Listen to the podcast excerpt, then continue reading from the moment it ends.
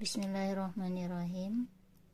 Alhamdulillah pada malam hari ini berjumpa kembali bersama Ibu Ruliani dalam kegiatan bincang-bincang seputar adab anak-anak dalam bercanda. Atau dengan kata lain adab bercanda dalam Islam bagian pertama Para pendengar yang semoga dirahmati Allah, sudah menjadi suatu yang lumrah di masyarakat bahwa pembicaraan dalam sebuah pergaulan harus mengandung sedikit canda atau gurau. Laksana garam dalam masakan. Jika tepat takarannya, rasa makanan akan menjadi enak. Jika kadar garamnya berlebihan, atau kurang rasa makanan pun akan menjadi rusak.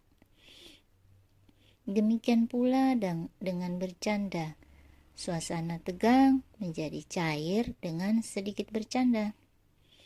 Kejenuhan bisa sirna dengan adanya canda dan tawa.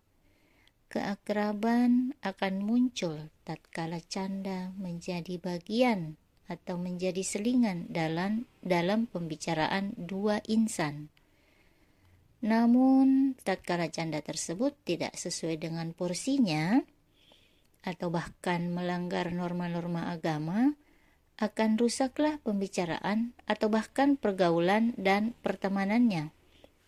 Bahkan bisa-bisa muncul bibit permusuhan, sakit hati, dan trauma yang berkepanjangan. Oleh karena itu, seorang muslim hendaknya memperhatikan rambu-rambu syariat yang telah ditentukan Allah Ta'ala dan Rasulnya Shallallahu Alaihi Wasallam agar tidak terjerumus ke dalam dosa dan permusuhan. Berikut ini para pendengar akan saya sampaikan tentang sekelumit etika bercanda, dan bergurau. Apa sih itu bercanda? Bercanda di dalam bahasa Arab disebut dengan al-muzah. Al-muzah. Al-muzah, ya. Dan al-mizah. Artinya, membuat orang lain senang dengan tujuan untuk melembutkan hati dan menarik simpati tanpa menyakiti hatinya. Bisa pula diartikan ketidakseriusan atau tidak bersungguh-sungguh kepada lawan berbicara. Di dalam Kamus Besar Bahasa Indonesia, Bercanda juga disebut dengan senda gurau, kelakar, seloroh, dan lelucon, yaitu suatu percakapan yang ditujukan untuk bermain-main saja. Ya, dan insya Allah materi malam ini akan kita lanjutkan pada episode berikutnya.